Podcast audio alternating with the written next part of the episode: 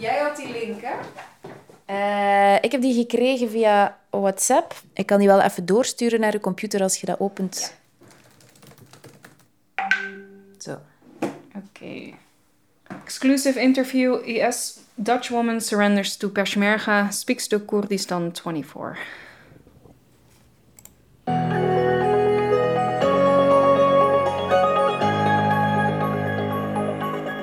Met deze muziek begint het journaal in Koerdistan. Oké, Merk, waar kijken we nu naar? Uh, we kijken naar een filmpje. Een filmpje waarop we een meisje zien. Ze lijkt heel jong. Mijn naam is Nele. En samen met Mirke, wij zijn twee radiomakers, kijk ik naar een filmpje dat ons werd toegestuurd door een journalist. De beelden zijn al een paar jaar oud. Van 12 juli 2016. Het meisje dat we zien zit op een stoel vlak voor een grote banner met een Koerdische vlag op. Ze heeft sandalen aan, met, heeft ze sokken daarin? Ja. Ze heeft een, een zwarte hoofddoek aan. Nagellak ook. Roze, maar zo op de helft nog maar van de, vinger, van de nagels.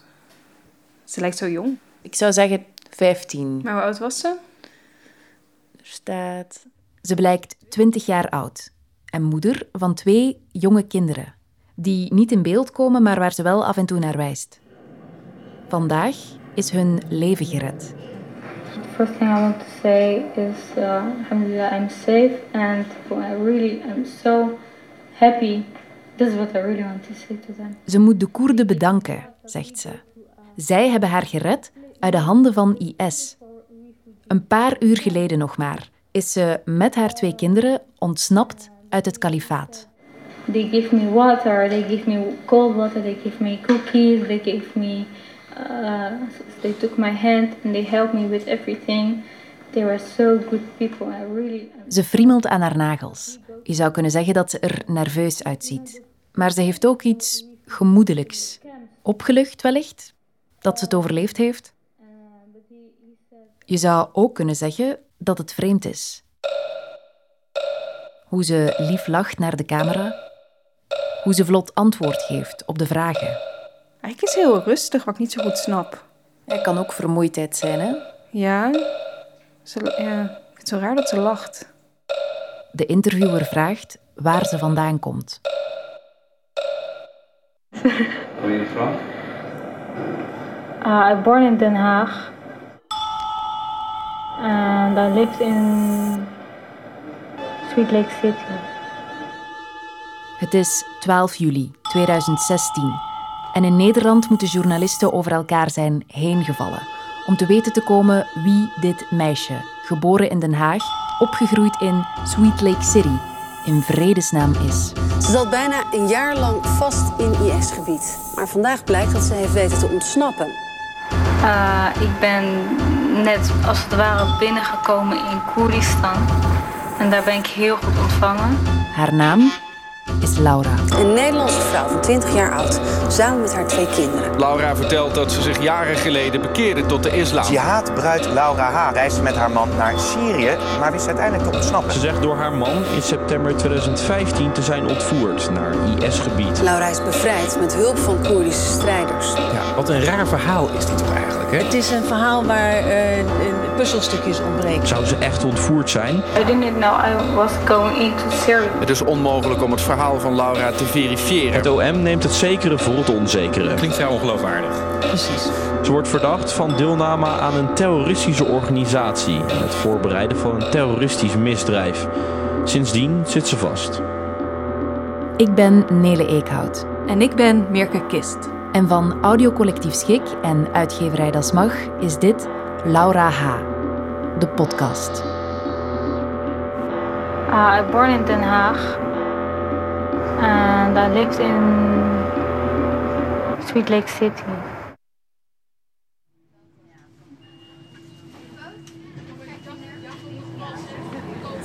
Alleen Nele, waar zijn we? In Zoetermeer. Oftewel? Sweet Lake City. Van Zoetermeer via het kalifaat in Syrië en Irak naar Koerdistan op televisie en uiteindelijk terug in Nederland. Zijn we er? Oké. Niemand die begreep hoe Laura H., dat had gedaan. Ook wij niet. Want niemand kende het hele verhaal. Het hele verhaal is namelijk een enorm verhaal. Let op, Enorm ingewikkeld let op. en bijna onmogelijk bij elkaar te puzzelen. Houd je vast tijdens de rit. Er is maar één journalist die zich daaraan waagde. Zie je hem al? Nee, op het perron staat Thomas. Daar. Thomas Rup. Een jonge, blonde journalist met helderblauwe, schijnbaar altijd wakkere ogen. Zeker weten. Nou, welkom in Sweet Lake City.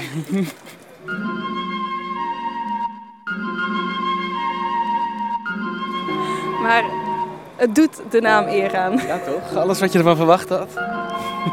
Thomas is degene die ons het filmpje stuurde en die ons heel graag Zoetermeer wil laten zien. Toch wel je caravantjes, moestuintjes? Ja, het is heel groen is het. Want hier begon het verhaal voor hem. Ik, ik ben hier zo vaak geweest inmiddels. Er is hier heel veel gebeurd. Iets meer dan een jaar terug, in het voorjaar van 2017, had Thomas hier in Zoetermeer een interviewafspraak voor een artikel in de krant. Over Laura H. weet hij op dat moment net zoveel als de rest van de wereld. Net zo weinig eigenlijk. Ik wist er eigenlijk heel weinig van. Het enige wat ik nog wist is dat dat meisje dat afgelopen zomer was opgedoken. En dat was overal op het nieuws. Eh, een video-interview. Een meisje met een hoofddoek wat met een eh, eh, Hollywood-achtig verhaal vertelde. Dat ze door haar man was ontvoerd en meegenomen was naar het kalifaat. En dan was het nu gelukt te ontsnappen met de kinderen. En de man die zou zijn achtergebleven. En ik wist nog van ja, maar daar klopte iets niet aan dat verhaal. Want uiteindelijk zei iedereen van, hij heeft gelogen. En toen kwam het eh, Openbaar Ministerie met, nou, ze kwam hier mogelijk een aanslag plegen.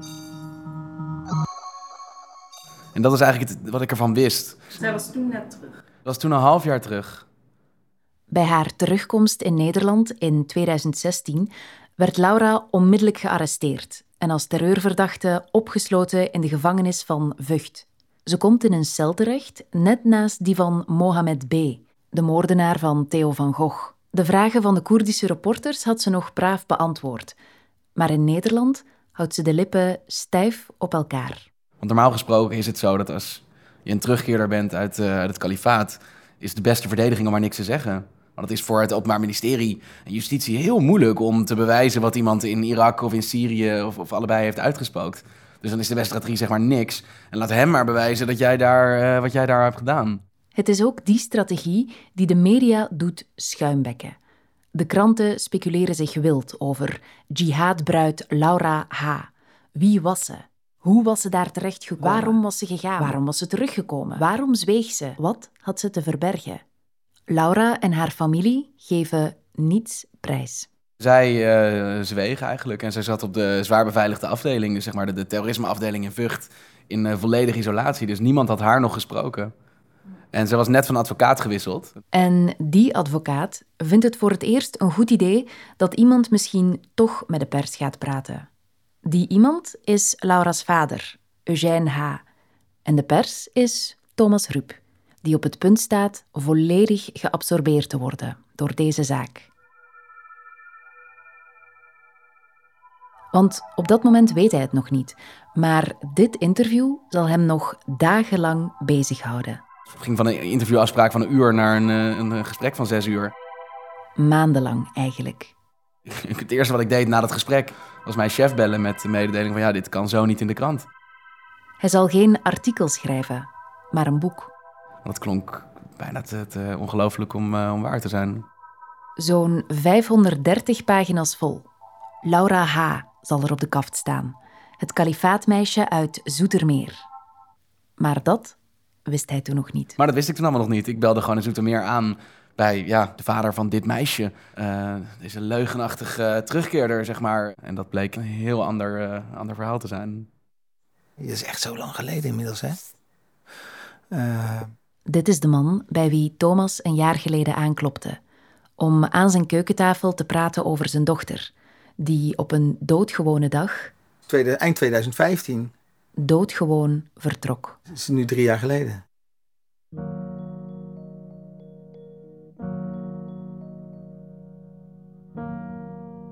...2015.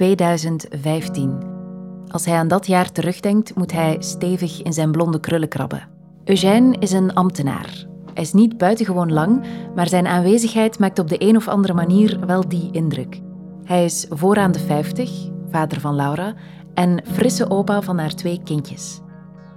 Wanneer Laura in 2015 vertrekt en hen meeneemt, is de oudste een peuter van drie en het kleinste nog maar een paar maand oud. Dat ze naar Mekka waren, dat was het eerste bericht wat we kregen. Vervolgens uh, vond ik dat al waanzinnig, met een babytje. Dat meen je niet. En, nou, en de dag daarna kregen we bericht van, joh, het is geen Mekka, ze zijn naar het kalifaat. En toen ben ik helemaal geblokkeerd geraakt. En uh, ja, dan stort je wereld in elkaar. Voor mij was het echt, uh, nu ben ik mijn dochter kwijt. Dat, nu, na het overlijden van mijn zoon, ben ik nu ook mijn dochter kwijt. Dat, dat was wat, wat door mij heen ging. Laura is Eugène's oudste kind. Haar broertje, Ingmar, vocht sinds zijn vijfde tegen een chronische nierziekte, die alles van het jongetje en zijn familie vraagt. Toen hij negen werd, stond zijn oma, Eugène's moeder, zelfs een nier aan hem af. Maar op zijn zestiende kwam aan de strijd een eind. In 2014 verliest Eugène zijn zoon. En amper een jaar later komt het nieuws van Laura als een pletwals op hem af je begint te huilen, je blokkeert, je, komt niet meer uit je woorden. Je, je, ja, je wereld sodemiet het gewoon helemaal in elkaar. Ik kon ook niet meer praten. kon niet meer, uh, kon me niet meer, ik heb de telefoon afgegeven aan mijn vrouw, geloof ik, en uh, kon niet meer verder. En dat is me zelden gebeurd. Dus uh, dat, ja.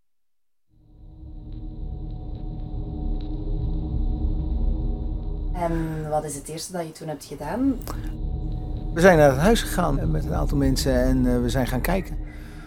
En uh, we hebben de deur open gedaan uh, met de politie erbij, want uh, meteen de politie gebeld van joh, we hebben deze signalen. En er lag nog van alles op de aanrecht en het was gewoon een, een rommeltje.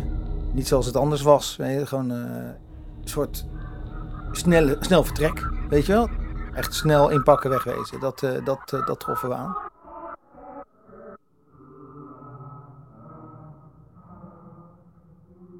Voor mij was het een donderslag bij heldere hemel. Uh, het, het, contact met Laura was goed op dat moment. Ze had het babytje, ze had haar huis hadden we helemaal voor elkaar. Ze zat er goed bij. Dus had eigenlijk geen enkele indicatie dat het die kant op zou gaan. Ze was de laatste tijd wel steeds meer met het geloof in aanraking. En ze was wel uh, ingewikkeld. Ingewikkeld is inderdaad wat Laura's leven dan al te noemen is. Op het moment van haar vertrek is ze 19 en heeft ze net een erg woelige puberteit achter de rug. In de jaren dat haar broertje ernstig ziek is en veel aandacht vraagt, komt ze in het VMBO terecht. Ze blijkt gevoelig aan groepsdruk. Ze krijgt aandacht van jongens. Ze wordt gepest door meisjes. Wanneer ze dertien is, belt Eugène op een dag de school op. Niets vermoedend, om te vragen naar zijn dochter. En toen zei ze, nee Laura, die zit hier niet op school. Ja, ik zei, uh, hoe bedoel je? Uh, die, die zit in die en die klas. Oh, je bedoelt uh, Lemmia. Toen had ze haar naam daar op school uh, aangegeven dat hij anders was. En dat hebben ze daar gewoon overgenomen. Er wordt niet verder over nagedacht, wordt niet gesignaleerd. Ja hoor, nee, dan veranderen we gewoon je naam. en dat was eigenlijk het eerste signaal dat het is serieus fout. Laura is klaar met Laura. Ze is nu Lemmia. Eugène ziet hoe zijn dochter aansluiting zoekt bij een cultuur en vervolgens bij een geloof waar hij haar niet mee heeft opgevoed. Natuurlijk vond ik dat raar.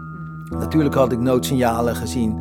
Ja, hallo, weet je, in ons gezin, dat is raar. Hoe je nu, wat je nu doet, eh, in de zin van hè, je naam veranderen. Maar ja, als je wil geloven.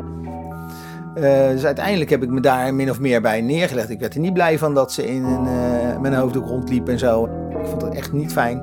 Maar ja. Eugène verliest steeds meer grip op zijn dochter. Er zijn veel ruzies, ook met haar moeder, van wie Eugène gescheiden is. Wanneer de situatie escaleert, moet jeugdzorg tussen beiden komen. Ze komt in een instelling terecht, loopt weg. En op haar zestiende raakt Laura zwanger van haar eerste kindje. De vader verdwijnt snel uit beeld en Eugène neemt haar opnieuw een tijdje in huis als ik iets goed gedaan heb, dan bedoel, er is een hoop misgegaan, maar uh, dat we altijd in gesprek zijn gebleven en dat ik uh, niet oordeel. Het is gewoon, uh, je raakt elkaar gewoon kwijt. Laura blijft in de verkeerde handen lopen. Want als Eugène zegt dat hij helemaal niets had zien aankomen, klopt dat ook niet helemaal. Nou ja, nee. eh, ehm, ja, die, die, kerel ver- vertrouwde ik niet. Die kerel is Ibrahim, een jongen waar Eugène nog nooit van had gehoord. Tot de dag dat hij op Facebook las dat zijn dochter met hem is getrouwd. En nou, ja, toen dacht ik, "Wa- wa- wat is dat dan voor gast en wie is het dan? Ja, dat kan toch niet, Laura, dit is toch niet reëel? En zo, nou, zo is hij in beeld gekomen. Dus dat was het eerste wat ik hoorde. Ibrahim is 24 jaar, geboren in Duitsland en heeft Palestijnse roots. Hij zal de vader van Laura's tweede kindje worden. Eugène kan het bijna niet geloven. Maar zijn dochter verwacht op haar achttiende een tweede baby.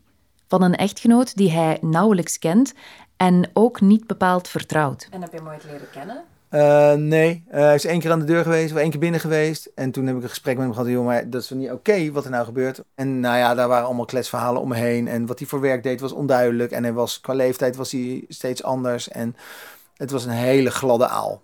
En daarna, de volgende keer was eh, bij Veilig Thuis in gesprek met de politie en de jeugdzorg over dat hij haar mishandeld had. Ibrahim is agressief. Eugène ziet de blauwe plekken. Maar hoe diep zijn dochter werkelijk in deze relatie en haar geloof gezogen is, kan hij op dat moment nog niet inschatten. Eh, nou, dat bleek dus eh, hoe heet dat, eh, dat ze via hem eigenlijk veel meer erin getrokken is. Maar in een relatief korte tijd voor mijn gevoel. Dat, voor mijn gevoel is dat heel snel van, van geen haar op mijn hoofd om daar terecht te komen naar daar gaan we. Ja. Daar ging ze. En het zal een jaar duren voor hij haar terugziet. Als je dan zo'n huis aantreft, dan denk je, ja, het is gewoon, het is gewoon waar. En eh, ze zijn gewoon eh, weg. Ja, de eerste dagen waren verschrikkelijk. Ja, ik, ik moet eerlijk zeggen, het is een soort blur geworden, dat, die week, die periode. Ik heb de politie gevraagd om alle grenzen te bewaken en te kijken wat, eh, of er nog wel aan te doen was. En, dat gaat allemaal zo langzaam. Dan zijn ze al ruimschoots vertrokken en daar, eh, daar, zit je altijd achter de muziek aan, zeg maar. Dus dat wordt niks.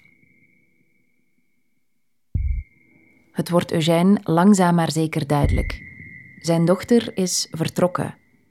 Haar bestemming oorlogsgebied, dat in handen is van een van de meest gevreesde terreurgroeperingen van het moment. Ze komt nu in de situatie dat ze de paspoort gaan afnemen, dat ze de geld gaan afnemen, dat ze tot de conclusie gaat komen: ik zit hier verkeerd. Hè? Dat ze, eh, eh, maar dan kan ze niks meer.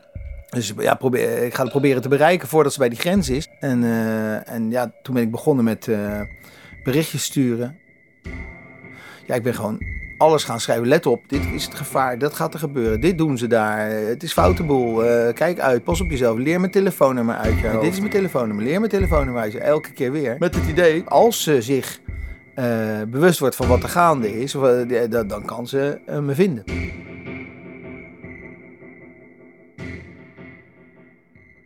Dit is het begin van slopend onzekere dagen voor Eugène, want hij krijgt geen antwoord. Hij hoort helemaal niks van zijn dochter. Zelfs het bericht dat ze naar het kalifaat vertrokken was, kreeg hij van de zus van Ibrahim, niet van Laura zelf. Haar telefoonnummer is eigenlijk vanaf het moment dat zij vertrok, deed het niet meer. Dus je ziet, eh, zeg maar, de laatste appjes die hij naar haar gestuurd heeft, die, eh, die zijn echt uit de, de week dat ze vertrok. En toen zag je dat het niet meer aankwam. Dit is weer Thomas. Eugène laat hem alle berichten lezen. Pagina's lang aan vraagtekens, waar geen antwoord op komt. En die eerste 10 september 2015, leef jij nog? 18 eh, september, hey. 19 september, hey, bel me, het is urgent. 21 september, kind, waar ben je? Vraagteken, vraagteken, vraagteken. Bel alsjeblieft. 26 september, wat heb je nu toch gedaan? Kom terug alsjeblieft, ik zorg voor je. Ik laat je nooit vallen. Ik ben je papa. En hij hoort een hele tijd niets. En dan, twee weken later, ehm, stuurt zij terug. Maak je geen zorgen. Alles is oké. XX. Eugène reageert meteen en smeekt zijn dochter om uitleg. Haar antwoorden zijn allesbehalve die waar hij op hoopt. Ik wil leven onder de wetten van de islam. En ik wil mijn kinderen ermee laten opgroeien. Geloof het nieuws niet. Lees de Koran als je me beter wil begrijpen. We zijn veilig. Het nieuws heeft jullie gebrainwashed. Ik kan het niet uitleggen. Dit is een bewuste keuze. We weten wat we doen. En hij had het gevoel, ik ben gewoon met iemand anders hier aan het praten. Zeg maar, dit is niet mijn, eh, dit is niet mijn dochter. Die praat niet zo. En dan wordt het weer stil. September gaat voorbij. Het wordt oktober, november. Herfst wordt winter. En Eugène hoort niets. Tot. Een hartje. Dat kreeg ik op 15 november. Zijn hart slaat over, maar Eugène probeert kalm te blijven. Gaat het goed daar, loop je geen gevaar. De hele wereld erg boos op die club. Zo heb ik. Uh, ja. Hij mag Laura geen tweede keer verliezen. Deze keer gooit hij het over een totaal andere boeg. Eugène had instructies gekregen van de politie om vooral niet te veel te pushen. En dus zo normaal mogelijk contact te houden, omdat ze bang zijn dat zij, als ze zich onder druk gezet voelt, dat ze de, de lijnen sluit. Dus deze gesprekken lezen eigenlijk ook als een soort vrij gewone, gewone conversaties. Daar zegt ze, ik ben elke vrijdagavond online, dan kunnen we praten. Het werkt. En vanaf dat moment staan Zoetermeer en het kalifaat met elkaar in verbinding. Hey pap, alles gaat goed hier. Hoe gaat het bij jullie? We missen jullie ook. Mijn dagen zijn gewoontjes. Begin hier al te wennen. Echt alsof ze naar uh, Almere verhuisd is. Eugène heeft de volledige WhatsApp-geschiedenis overgedragen aan Thomas, die alles uitgebreid heeft bestudeerd. Hoeveel pagina's aan berichten heb je zo? 80. Echt. um... Een maand lang houdt Eugène de tactiek van het koele hoofd dapper vol. Ja, het, het, leest gewoon, het leest bijna een beetje surrealistisch. Want er wisselen dit soort zinnen zich uh, achter elkaar af. Kijk, we leven hier met volle overtrouwen op Allah. En dan zegt Eugène... Mijn dochter heeft een nieuwe fiets en is heel blij. Zijn kleine dochter. dit soort gesprekken lopen volledig door elkaar heen. Als je dit leest, dan heb je geen idee dat deze appjes vanuit het kalifaat van de Islamitische Staat gestuurd zijn. Het lijkt gewoon de andere kant van Nederland. Even luchtig en casual probeert Eugène ook de duistere kant van het kalifaat in het gesprek te verweven. En hij stuurt daar bijvoorbeeld... Uh, ik zag gisteren gruwelijke beelden over wat er in Irak met een groep mensen uh, is gebeurd. Het was een moordpartij van een groep die de IS niet moest. Werden allemaal onthoofd, jonge mensen. En daar reageert Laura dan op met... hier wordt iets niet zomaar gedaan. Nou, dat is een hele belangrijke zin in dat proces geworden ook. Omdat ze nou ja, eigenlijk zegt van... Er zullen, zullen dan wel redenen, zullen wel redenen voor zijn. Hier wordt niet iets zomaar gedaan. De zin zal Laura achtervolgen tot op haar proces, veel later in Nederland, waar ze zal moeten bewijzen dat ze onder druk werd gezet door Ibrahim en dat ze zelf oprecht niet in het kalifaat wou leven. Want in die eerste gesprekken is dat niet de boodschap die Eugène te lezen krijgt. Maar dan, uh, zeg maar half december, dan begint er al een klein beetje iets te veranderen. Uh, als Laura zegt dat ze elke dag droomt over haar vader en over haar oma. Na een maand lijkt Eugène's aanpak voor het eerst heel voorzichtig iets los te maken. 12 december 2015. Laura stuurt: Droom bijna elke dag over jou. Eugène vraagt: Wat dan? Dat we lief zijn, toch? En dan zegt Laura: Dat ik terugkom. Zegt Eugène: Oh, nou graag. Voor het eerst sinds haar vertrek spreekt Laura uit dat ze haar vader toch wel een beetje mist. Ze vraagt ook het nummer van haar oma. En dat waren voor hem allemaal signalen, voorzichtigjes van hoop. Uh, dat hij dacht, nou, wie weet dat ik nog wel tot de door kan dringen. Nou, dan vraagt Eugène of hij haar kan bezoeken. En dan zegt ze, moet ik navragen. Maar het is niet, binnen, niet gemakkelijk om binnen te komen, als het ware. Laura heeft heimwee, maar daar blijft het voorlopig bij. Als Eugène op kousenvoeten vraagt of ze dan misschien terug wil, zegt ze resoluut nee, dat niet. Bovendien weet hij nog steeds niet waar ze precies is. Tot het moment komt op uh, kerstavond dat hij een telefoontje krijgt van een onbekend nummer. En dat blijkt de vader te zijn van een meisje dat Laura is tegengekomen in Mosul. Ze zijn in Mosul, zegt de man. Zijn eigen dochter, samen met die van Eugène. Mosul in Irak. De stad ligt in het noorden, dicht bij de grens met Turkije en is op dat moment, rond november 2015, al iets langer dan een jaar volledig in handen van IS. Al is het dan in een van de grootste en gevaarlijkste steden van het land, eindelijk kan Eugène zijn dochter weer ergens op de wereldkaart prikken. En niet alleen dat, uh, hij krijgt te horen dat Laura daar weg wil. Ja, nou ja, je, je, je, je bent dolblij dat je wat hoort. En, uh, en je bent tegelijkertijd meteen in paniek, want ze wil weg.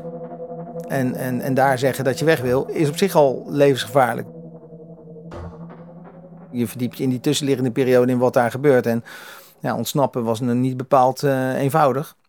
Sterker nog, als je iemand uh, zei dat je zou willen ontsnappen, dan, dan, dan konden ze je al, al vreselijke dingen aan of doodmaken, weet je wel. En het is niet zo heel veel later dat hij voor het eerst uh, echt telefonisch contact met Laura krijgt. Dan uh, bellen ze over WhatsApp. En ze vertelt dat hij, uh, dat Ibrahim haar daar nog steeds mishandelt. En dat, dat ze bang is dat ze, dat ze hier dood zal gaan. Laura wordt nog steeds in elkaar geslagen door Ibrahim. Het geweld is in het kalifaat niet opgehouden. Integendeel. Ze heeft me niet heel rechtstreeks toen verteld hoe zwaar ze mishandeld werd. Dat heb ik later gehoord. Maar uh, de angst die, die, knalde door de telefoon heen. En, uh, en, maar ik ken Laura ook als iemand die dan weg wil. En als ze dan weg wil, dan is dat ook echt weg willen. Dus die gaat alles ondernemen om dan ja, haar zin te krijgen, zeg maar. Met het meisje dat ze in Mosul leert kennen, smeet Laura een relatief eenvoudig plannetje. De twee meiden, met Laura's kinderen, besluiten een taxibusje te nemen naar een ziekenhuis in Erbil, met de smoes dat een van hen ziek is. Op die manier willen ze er bij het Nederlandse consulaat proberen te komen. Maar met de kinderen, en vooral zonder mannen, trekken ze al vrij snel de aandacht. En de poging mislukt. Ze moeten rechtsomkeer maken en komen verder niet in de problemen. Een opluchting voor Eugène, maar bij Laura slaat de paniek nu echt toe. En dat is het moment, uh, zeg maar in die eerste week van januari, dat bij haar, uh, dat de toon van haar bericht totaal verandert. En dat het paniek wordt. En dat ze zegt, ik wil hier weg. En ik ga hier dood. En mijn kinderen gaan hier dood. En die mogen hier niet opgroeien.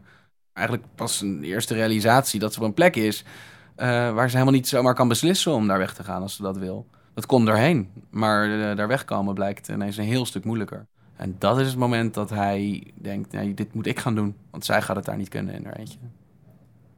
En dit is ook het moment waarop het verhaal een wending neemt die Thomas, toen hij in het voorjaar van 2017 bij Eugène aanbelde, niet had zien aankomen.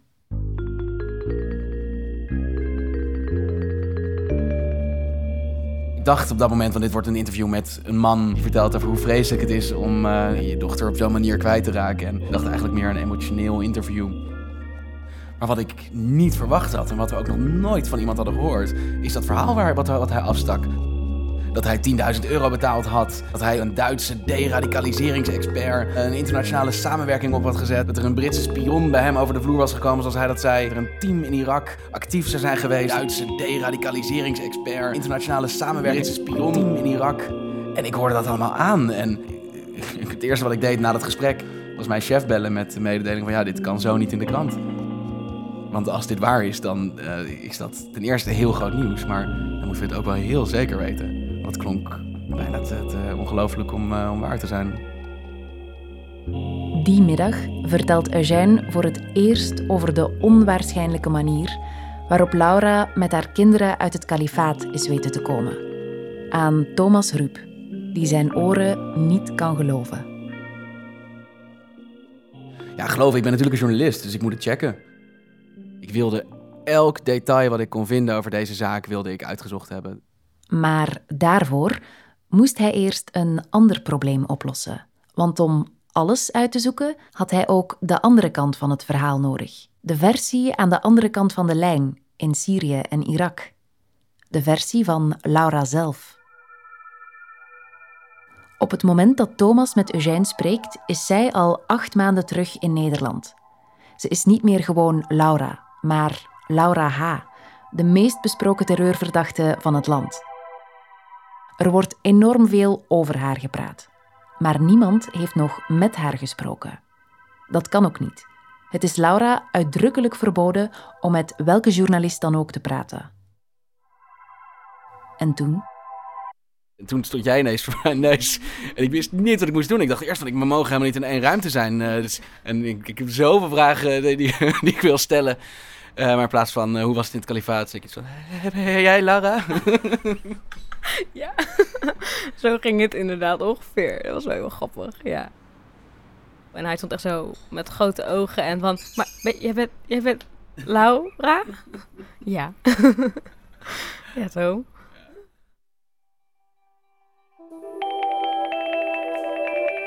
De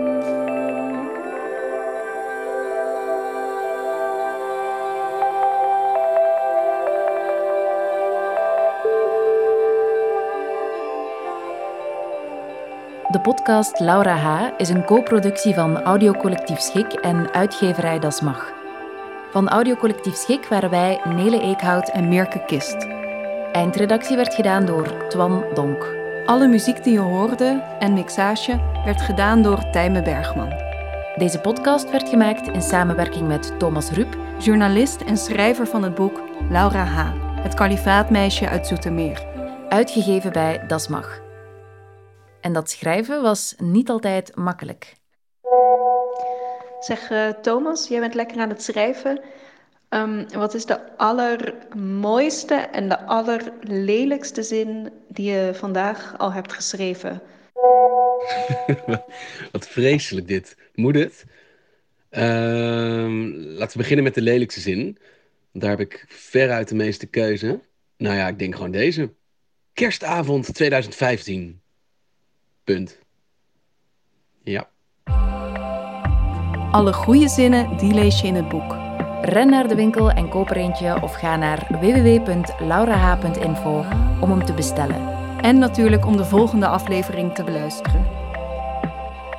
De korte nieuwsfragmenten die voorbij kwamen waren van RTL Late Night, RTL Nieuws, De Telegraaf en Koerdistan 24. Alle referenties vind je terug op www.laurah.info.